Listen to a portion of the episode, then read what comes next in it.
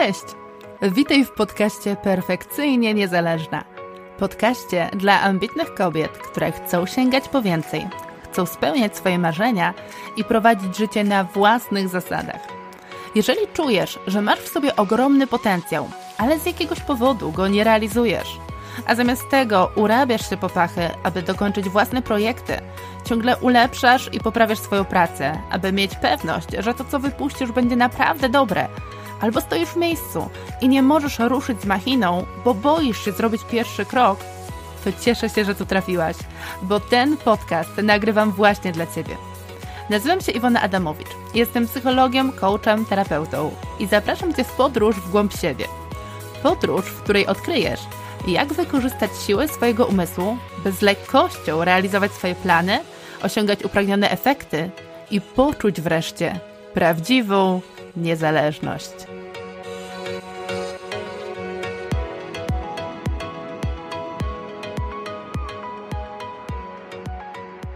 Cześć, witaj w kolejnym odcinku.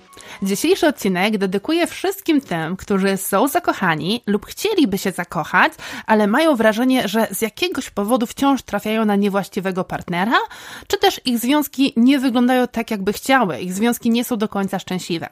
I zanim opowiem o tym, jak niskie poczucie własnej wartości wpływa na związki, to zacznę od takiej małej anegdoty.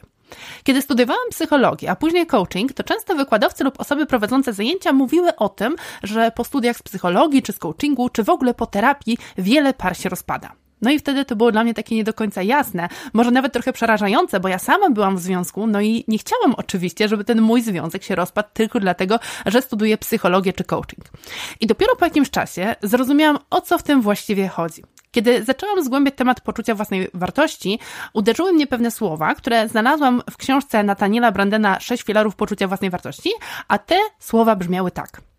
W myśl ważnej zasady obowiązującej w relacjach międzyludzkich, najlepiej i najbardziej komfortowo czujemy się z tymi osobami, których poczucie własnej wartości przypomina nasze. I co to dokładnie znaczy? Ano znaczy to tyle, że ludzie bardzo często łączą się w pary, mając podobny poziom poczucia własnej wartości. I oczywiście to nie jest tak, że to się dzieje w sposób świadomy, że my podchodzimy do kogoś i mówię, ej, jakie masz poczucie własnej wartości, bo może wiesz, byśmy tutaj związek jakiś e, zaczęli, czy coś w tym stylu. Oczywiście to tak nie wygląda. Dziś to na poziomie nieświadomym, ponieważ często, jeżeli ktoś ma podobny poziom poczucia własnej wartości do naszego, to również w podobny sposób myśli.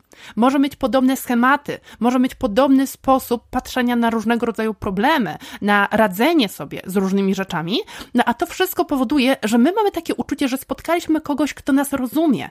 I możemy mieć wtedy to uczucie, że to jest właśnie nasza bratnia dusza. No właśnie dlatego, że nas rozumie. I oczywiście to nie jest zasada, która funkcjonuje zawsze i wszędzie. Czasami ludzie rzeczywiście dobierają się na innym poziomie poczucia własnej wartości, e, ale najczęściej to jest tak, że jeżeli dobieramy się na podobnym poziomie poczucia własnej wartości, a jeżeli to nasze poczucie własnej wartości jest na wysokim poziomie, to będzie to związek długotrwały. Natomiast jeżeli jest duża różnica pomiędzy poziomem naszego poczucia własnej wartości, to raczej to będą takie przelotne romanse, być może jakieś zauroczenia, czy po prostu różnego rodzaju seksualne przygody. Tak więc wynika z tego, że działa tu zasada podobne przyciąga podobne czyli osoby o wysokim poczuciu własnej wartości, raczej będą szukać osób, które też mają wysokie poczucie własnej wartości, bo będą to na pewnym poziomie odczuwać. Będą się po prostu czuły dobrze przy tych osobach. No i podobnie, osoby o niskim poczuciu własnej wartości też raczej będą wybierały na partnera osobę o niskim poczuciu własnej wartości, ponieważ też właśnie przy takiej osobie będą czuły się komfortowo. Niestety jest tak, że najczęściej związki, które są zawarte poprzez osoby, które mają e, niskie poczucie własnej wartości, to takie naprawdę niskie, e, które mają niskie mniemanie o sobie, są to związki, które kończą się nieszczęśliwie. I albo ci partnerzy się rozstają, albo no, wydarzają się różne nieciekawe rzeczy w tych związkach, które powodują, że te osoby są nieszczęśliwe. Bo to jest trochę tak, jak mówi przysłowie, że z pustego i Salomon nie naleje, więc jeżeli poczucie własnej wartości obydwu osób jest obniżone, no to wtedy trudno zbudować z tego coś wzniosłego, coś wysokiego. No bo po prostu mamy dwa dołki, a niestety takie dwa dołki górki nam nie zbudują. I kiedy ja to wszystko zrozumiałam, kiedy do mnie dotarło, o co właściwie w tym chodzi, dlaczego właśnie oni tak mówili, że po psychologii, po coachingu czy po terapii związki mogą się rozpadać, to ja wtedy dopiero zrozumiałam, że to poczucie własnej wartości ma tak duże znaczenie dla naszego związku i dlatego, by związek był szczęśliwy. I korzystanie z tych wszystkich aktywności zazwyczaj podnosi poczucie własnej wartości. Czyli jeżeli studujemy psychologię, jeżeli studujemy coaching, jeżeli idziemy na własną terapię albo właśnie wchodzimy w proces coachingu, to ich celem i taką funkcją jest to, że one bardzo często podnoszą nasze poczucie własnej wartości. Oczywiście podnoszą pod warunkiem, że my aktywnie wprowadzamy to w życie, tak? Bo jeżeli tylko i wyłącznie studiujemy, e, ale nie wprowadzamy w życie to, czego się uczymy, no to nic się nie zmieni. Terapia i coaching mają to do siebie, że najczęściej tak czy siak zmiany zajdą, bo to już jest bardzo mocno ukierunkowane na nas. Natomiast jeżeli chodzi o studia, no to wiadomo, różnie bywa. Natomiast sytuacja wygląda tak. Jeżeli my aktywnie uczestniczymy tych czynnościach, tak, w coachingu, w terapii czy w studiach, to zazwyczaj to nasze poczucie własnej wartości się podnosi. I jeżeli nasz partner jest na jakimś poziomie poczucia wartości, na którym zaczynaliśmy na związek i my też byliśmy na podobnym, ale my powoli zaczynamy wzrastać, a natomiast partner nie wzrasta, no to wtedy przestajemy do siebie pasować albo zaczynamy zauważać to, co być może już wcześniej nie pasowało, co być może wcześniej nie było ok, nie działało, ale my tego po prostu nie widzieliśmy i się na to godziliśmy. I tak jak mówiłam, zasada to oczywiście działa wtedy, kiedy słuchacz studiów czy uczestnik terapii aktywnie wprowadza w życie to, czego się uczy, aktywnie zmienia swoje schematy myślowe. Ale tak czy siak, prawda jest taka, że zasada ta działa. I z jednej strony to się może wydawać dość przerażające, no bo to może lepiej w ogóle się nie rozwijać. Może lepiej nie korzystać z różnego rodzaju form rozwoju, jak na przykład coaching czy terapia i tym podobne, no bo w jakiś sposób to może zagrozić mojemu związkowi. Natomiast ważne jest, by zwrócić tutaj uwagę, że zagraża to tylko i wyłącznie takiemu związkowi, w którym i tak tego szczęścia nie było i w którym prawdopodobnie szczęścia by nie było, bo nie ma pragnienia i potrzeby z obydwu stron, by to szczęście się pojawiło. Bo jeżeli będzie takie pragnienie, zarówno ze strony partnera, jak i partnerki, by nasz związek był szczęśliwy, żebyśmy czuli się w nim dobrze, żeby każdy z nas czuł się dobrze, to każda z tych osób będzie chciała wziąć odpowiedzialność za ten związek, będzie chciała się w nim rozwijać, będzie miała na myśli dobro drugiej osoby i będzie robić różne rzeczy, które właśnie mają przyczynić się do tego, by ten związek właśnie był szczęśliwy. I problem jest tylko i wyłącznie wtedy, kiedy zmiany, kiedy tego szczęścia, kiedy tej poprawy związku chce tylko jedna osoba. Natomiast jedna osoba nie może wziąć odpowiedzialności za cały związek, ponieważ to nie wystarczy.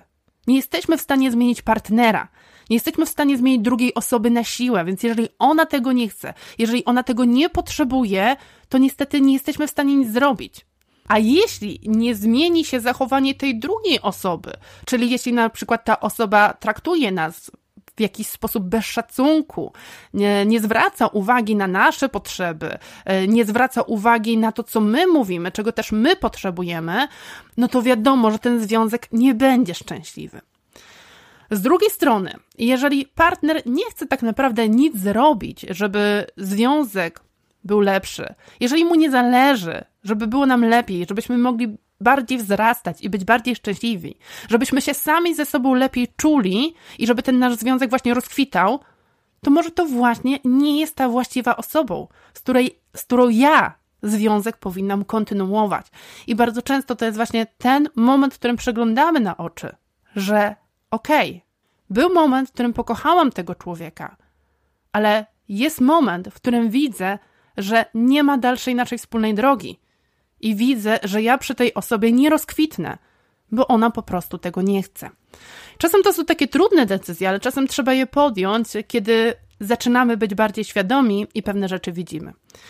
No ale oczywiście tak nie musi być, bo y, może być też inaczej. Mój związek na szczęście się nie rozpadł po studiach, po mojej własnej terapii. Powiem nawet więcej, że bardzo się rozwinął, a nawet umocnił. I wynika to z tego, że za każdym razem, kiedy ja wracałam podekscytowana zajęć, czy właśnie z własnej terapii do domu, to rozmawiałam o tym z mężem. Mówiłam mu o tym, co się tam wydarzyło, co ciekawego się dowiedziałam, co w sobie odkryłam, a nawet co zauważam u niego, co zauważam w naszym związku.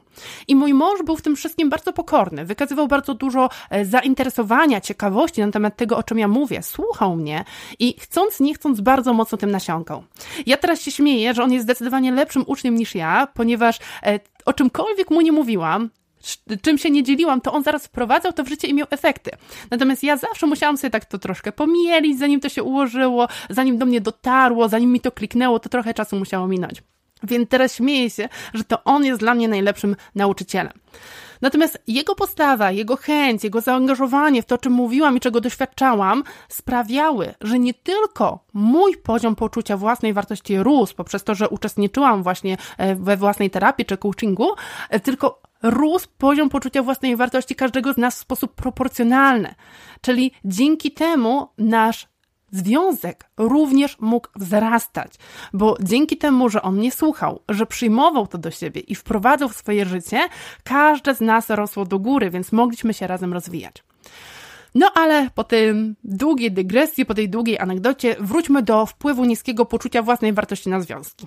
Badania pokazują, że wyższa samoocena wpływa bardzo pozytywnie na naszą komunikację, no a komunikacja jest niesamowicie ważna w związku. Ja bardzo często mówię, że związki rozpadają się nie dlatego, że brakuje tam miłości, tylko bardzo często dlatego, że brakuje komunikacji. I kiedy my czujemy się wartościowi, no to wtedy potrafimy otwarcie i szczerze rozmawiać z innymi. Nie boimy się reakcji rozmówcy, ponieważ wiemy, że cokolwiek powie ta osoba, to są tylko słowa. To nie jest coś, co może podważyć naszą wartość. To nie jest coś, co może nam umniejszyć Wiemy, że są to słowa, z którymi oczywiście należy się skonfrontować, że w tych słowach zawarte są potrzeby i uczucia drugiej osoby i trzeba je zrozumieć, trzeba je przyjąć, ale nie odbieramy tego jako atak na nas. Mamy do siebie szacunek, dlatego też inni ludzie, między innymi właśnie nasz partner, też nas szanują, ponieważ widzą, że my mamy do siebie szacunek i nie pozwolimy na to, żeby ktoś nas obrażał, czy właśnie tego szacunku nam odmawiał. No ale też potrafimy szanować innych, więc traktujemy ich właśnie po partnersku bez żadnego oskarżania, bez umniejszania, bez takiego wyrzucania czy poszukiwania winnego. Staramy się zrozumieć sytuację drugiej osoby, staramy się zrozumieć sytuację partnera, jego podejście, ale też potrafimy świadomie postawić swoje własne granice w taki sposób, żeby tej drugiej osoby nie urazić. Nie doszukujemy się żadnych intryg, oszustwa, zdrady czy czegokolwiek innego, co tak naprawdę się nie wydarzyło. Mamy zaufanie do siebie i mamy zaufanie do partnera. I oczywiście to nie oznacza, że w jakiś sposób nas to uchroni przed tym, że być może kiedyś się tak wydarzy, że ten partner nas zdradzi, e, oszuka albo odejdzie, ale my mamy taką świadomość, że jeśli to zrobi, to jest to jego odpowiedzialność, nie nasza. My za to nie odpowiadamy. Wiemy, że to on popełnił błąd, to on ponosi tego konsekwencje i to nie jest moja wina, że tak się wydarzyło, ponieważ ja byłam fair.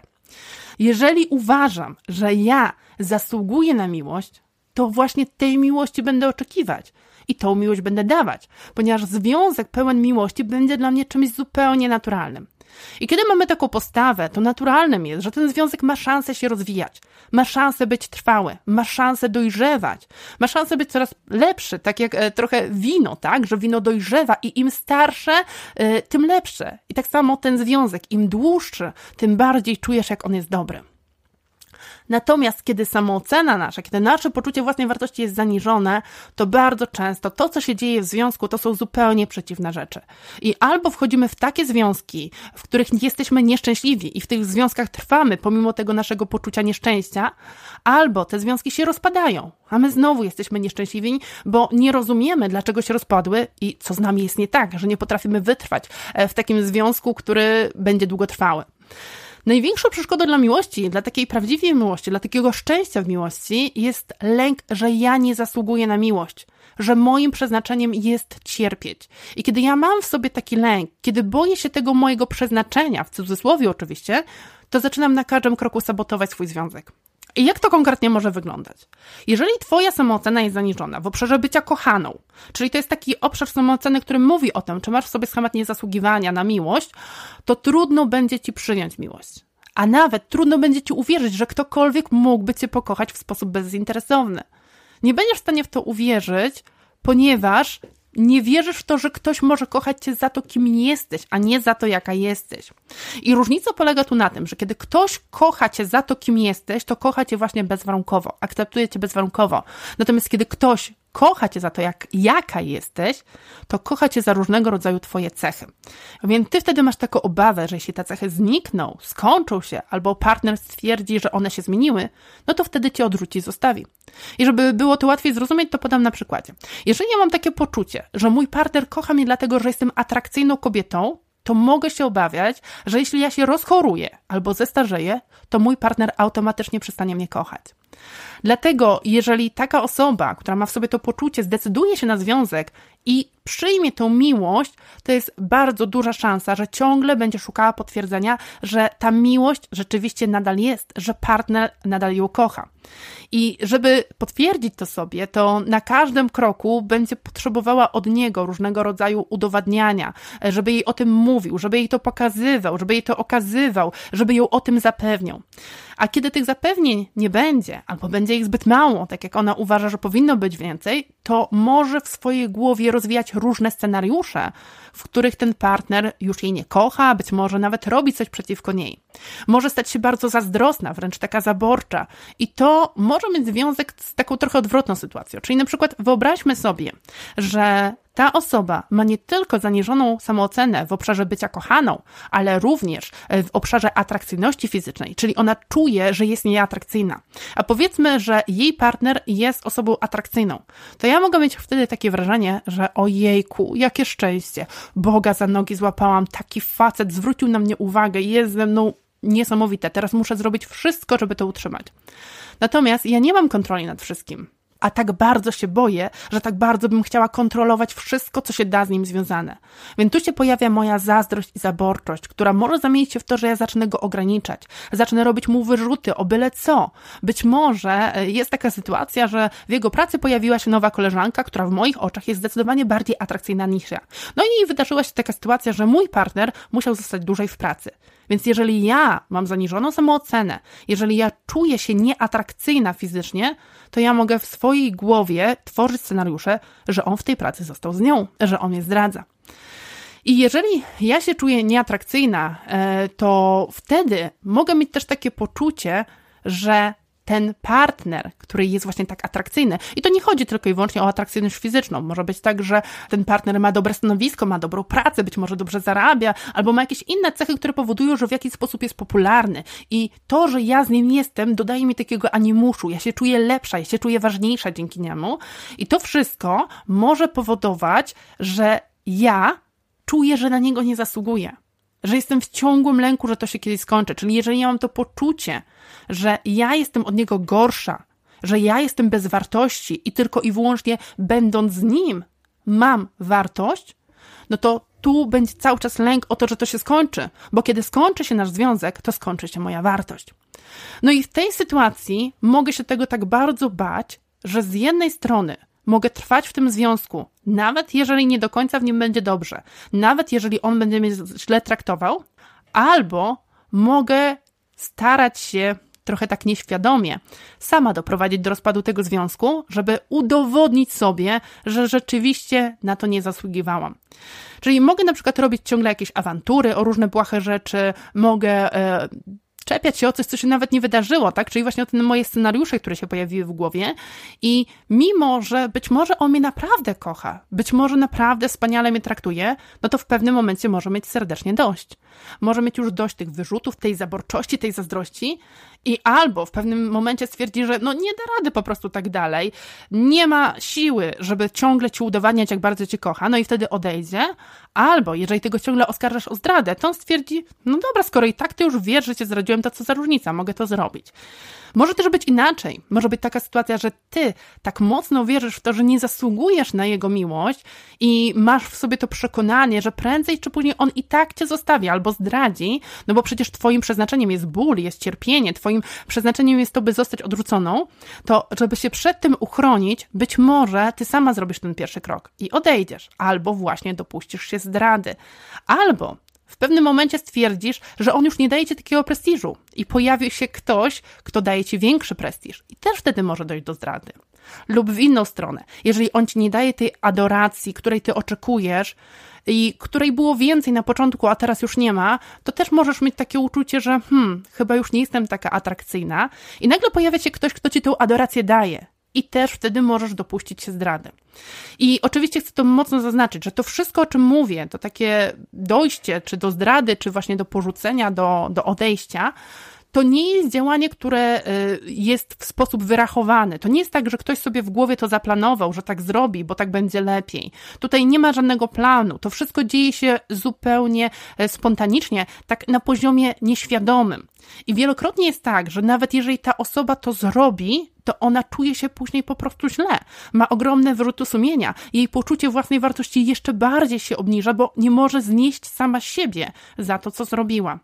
Więc to jest ważne, by zwrócić na to uwagę, że to nie jest jej wyrachowanie, że to nie jest żadna manipulacja, tylko bardzo często jest to próba ciągle podniesienia sobie tego poczucia własnej wartości i udowodnienia, że jestem warta kochania.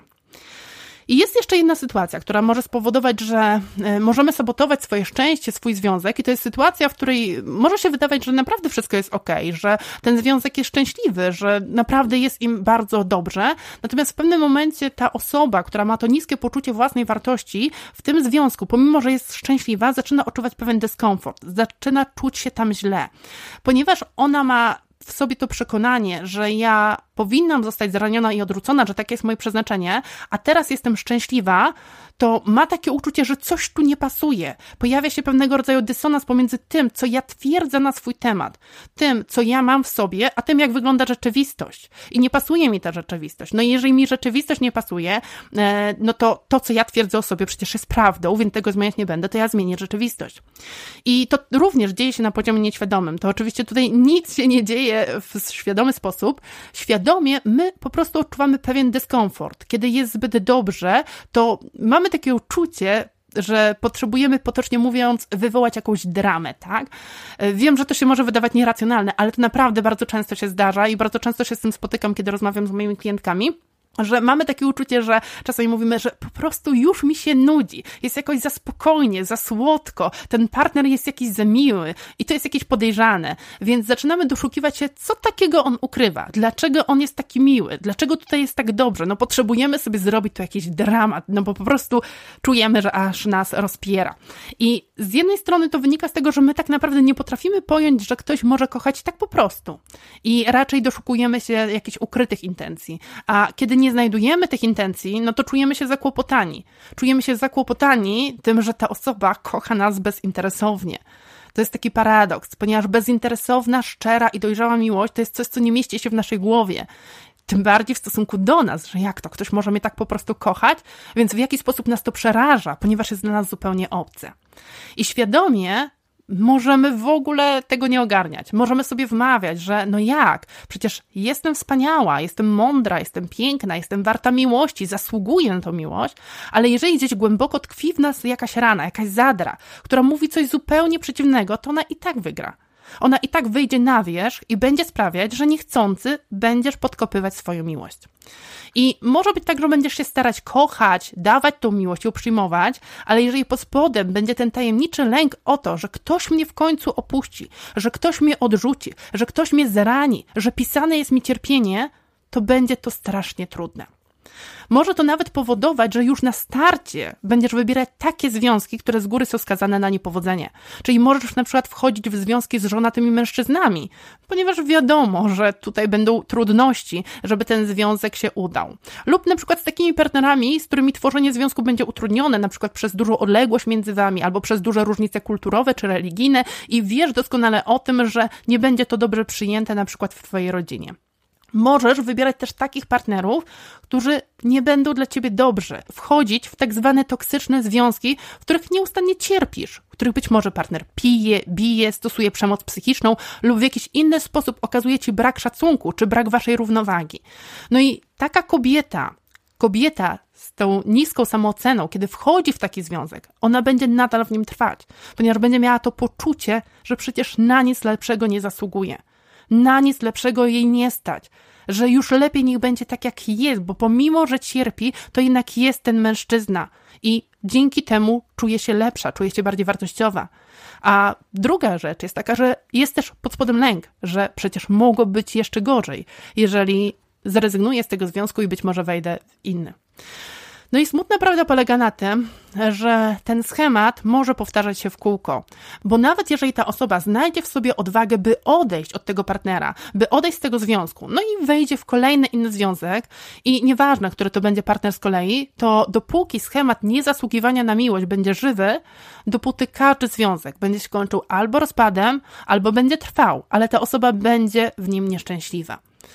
I jeżeli związek oparty jest na takiej zasadzie, że kocham cię, ponieważ cię potrzebuję, czyli to jest próba zaspokojenia swoich własnych potrzeb za pomocą drugiej osoby, próba uzupełnienia sobie czegoś, czego mi brak, czego mi się wydaje, że mi brak. Takie rozpaczliwe wołanie o to, by ktoś mi w końcu udowodnił, że jestem ważna i warta i zasługuję na tę miłość, to jeśli w taki sposób tworzymy związek, to niestety te związki nigdy nie będą w pełni szczęśliwe. Bo prawdziwie szczęśliwy związek to związek, który jest oparty na partnerstwie, w którym jest szacunek, w którym się w żaden sposób nie próbujemy uzupełniać nawzajem, ale w którym się przy sobie rozwijamy. I będąc razem, nie tworzymy czegoś pełnego, tylko tworzymy coś większego.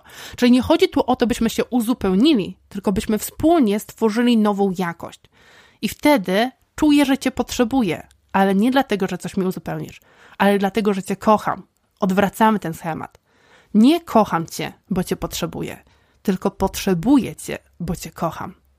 I właśnie takiej miłości, takiego partnerstwa życzę Ci z całego serca, bo jest to piękna miłość, wzniosła miłość, w której wzrastasz nie tylko Ty, ale wzrasta też Twój partner.